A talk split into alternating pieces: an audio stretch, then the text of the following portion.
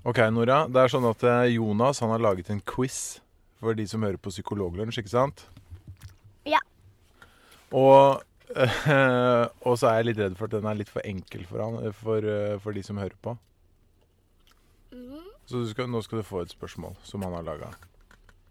Og det er sånn Hva skjedde i psykologien i 1899? Det er jo lett. Det er drømmen av Freud. Det er helt riktig. Da ble drømmetydninga Freud sluppet av.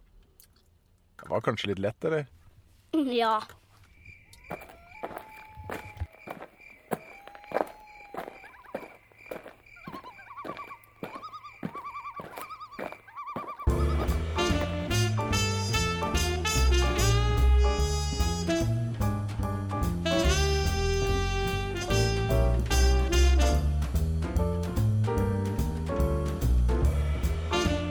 Kjære lytter, sett deg ned i stolen og gjør klar for påskelunsjquiz. En psykologisk påskelabyrint laga av Psykologlunsjredaksjonen. For mer informasjon om quizen, sjekk psykologisk.no. Men først vil vår mentor Roger Hagen ved Psykologisk institutt på NTNU gi oss litt mer informasjon om den personen vi møtte i forrige episode. Ja, da sitter jeg her med mentor for påskelunsjkris, Roger Hagen. Eh, Roger, Jepp. eh, i Bergen så møtte vi på en eh, gammel mann som sier at han eh, vil lære oss litt om livets ABC. Eh, Hvem eh, var det for noen? Vet du, Det er jo et eh, veldig artig spørsmål. fordi at eh, det er jo mange som tenker seg at ABC eh, er forbundet veldig mye med kognitiv terapi og Beck. Mm. Eh, og, og Beck eh, har nok gjort mye for kognitiv terapi. Mm. Men eh, egentlig så er jo ikke egentlig han som er opphavsmann til det. Nei, det er ikke det. Nei. For det, det, det refereres jo ofte til han når man snakker om den modellen, men eh, det var ikke han, liksom. Nei, vet du, han eh, var jo faktisk eh, senere ut enn Albert Ellis. For at Albert Ellis eh, hadde jo på en måte da skrevet den her veldig, veldig lenge. Ja. Men i motsetning til en Beck, så var han kanskje ikke like flink som å sette ut i systemet og teste ut. Nei. Og eh, Og kanskje ikke like god selger, eller? eh, Nei, jeg tror på en måte at han hadde en evne da, til å kanskje dra seg ut med enkelte folk. Dvs. Si at han kanskje at han hadde en del bestemte meninger. Ja. Men den som kjente han, syntes han var en kjernekar. Ja. Og studentene som eh, han hadde under veiledning, og de ulike doktorgradskandidatene som han hadde, elska jo han. Okay. Ja, så det var et veldig sånt, godt forhold til han eh, eh, når han på en måte kjente han personlig. Da. Ja. Og det som er litt sånn spennende i forbindelse med påskekvisten, her, er på en måte at vi har jo googla en del i forhold til de ulike sitatene han hadde. Mm. Og eh, han var ikke bare opphavsmann ser det ut som til kognitiv terapi, men det er jo utrolig masse andre ting i forhold til det her med mindfulness og forhold til det her med det å la tanker være og, og, Mm. og, og, eh, ja, eh, frigjøre seg fra ulike tankeprosesser, Ja. eh, som var veldig spennende, som både han har sagt eh, lang, tid før, før eh, denne tredje bølgen kom. Ja, for han, han snakka jo litt om sånn eh, Og det å opparbeide seg en ny filosofi, på et vis, som han egentlig trekker linja til altså, eh, Som jeg forstår det, en sånn ny relasjon til tanker og følelsesprosessene dine.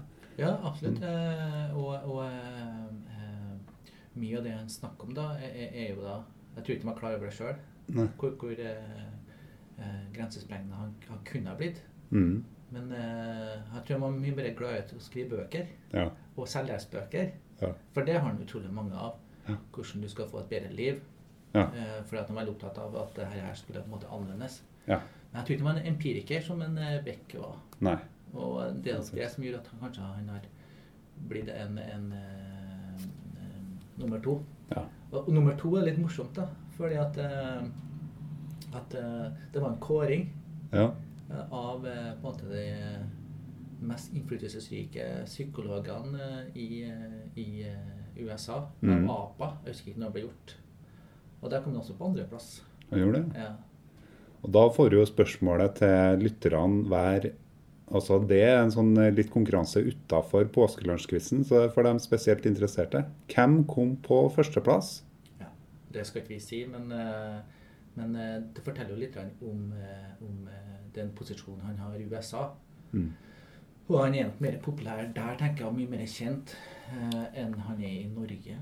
Ja. Men, men hvis dere også har lyst til å måte se litt på hvordan han var, så finnes det jo klipp av men alle kjenner det klassiske eh, opptaket med Gloria, Ja. hvor at du da har Carl Rogers, du har eh, Ellis og eh, Pearls. Mm.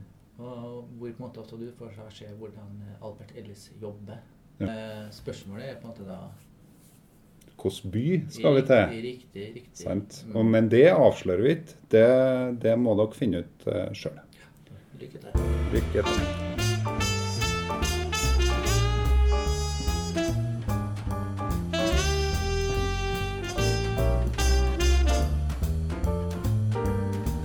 Men det var altså gårsdagens gåte. Vi skulle altså fram til hvilken by var det Albert Ellis hadde sin klinikk? Altså hvilken by var hjembyen til Albert Ellis? Nå går vi over til en ny gåte.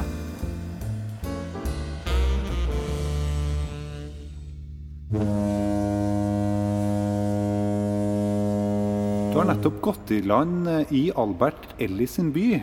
Du var, ble med båten eh, fra Bergen. Og idet du kom i land, så bare sprang Albert Ellis sin vei. Og du blir sittende der helt perpleks alene. Men da du satt der alene, så kom det plutselig springende en liten gutt. Han hyla fordi at det var noen skipsrotter som eh, sprang etter ham. Eh, når du får tak i han og lurer på hva det er han plages med, så sier han at eh, etter at jeg var med på et eksperiment, så jeg ble så redd for eh, Walt Disney-figurer, spesielt for Mickey Mouse. Jaha, sier du. Men er ikke du litt langt hjemmefra? Jo, jeg er vel det, sier gutten. Kanskje du kunne ha ført meg til den byen jeg skal til? Jeg vil gjerne tilbake til den byen der eksperimentet ble gjennomført. Ja vel, så får jeg ta med dit, da. Ja, hvor skal vi egentlig hen med denne gutten? Hvor ble eksperimentet gjennomført? For mer informasjon og hint om dagens eh, gåte, følg med i morgen. Hvis du allerede har svaret, legg det ut på Twitter, eller besøk Facebook-sida vår.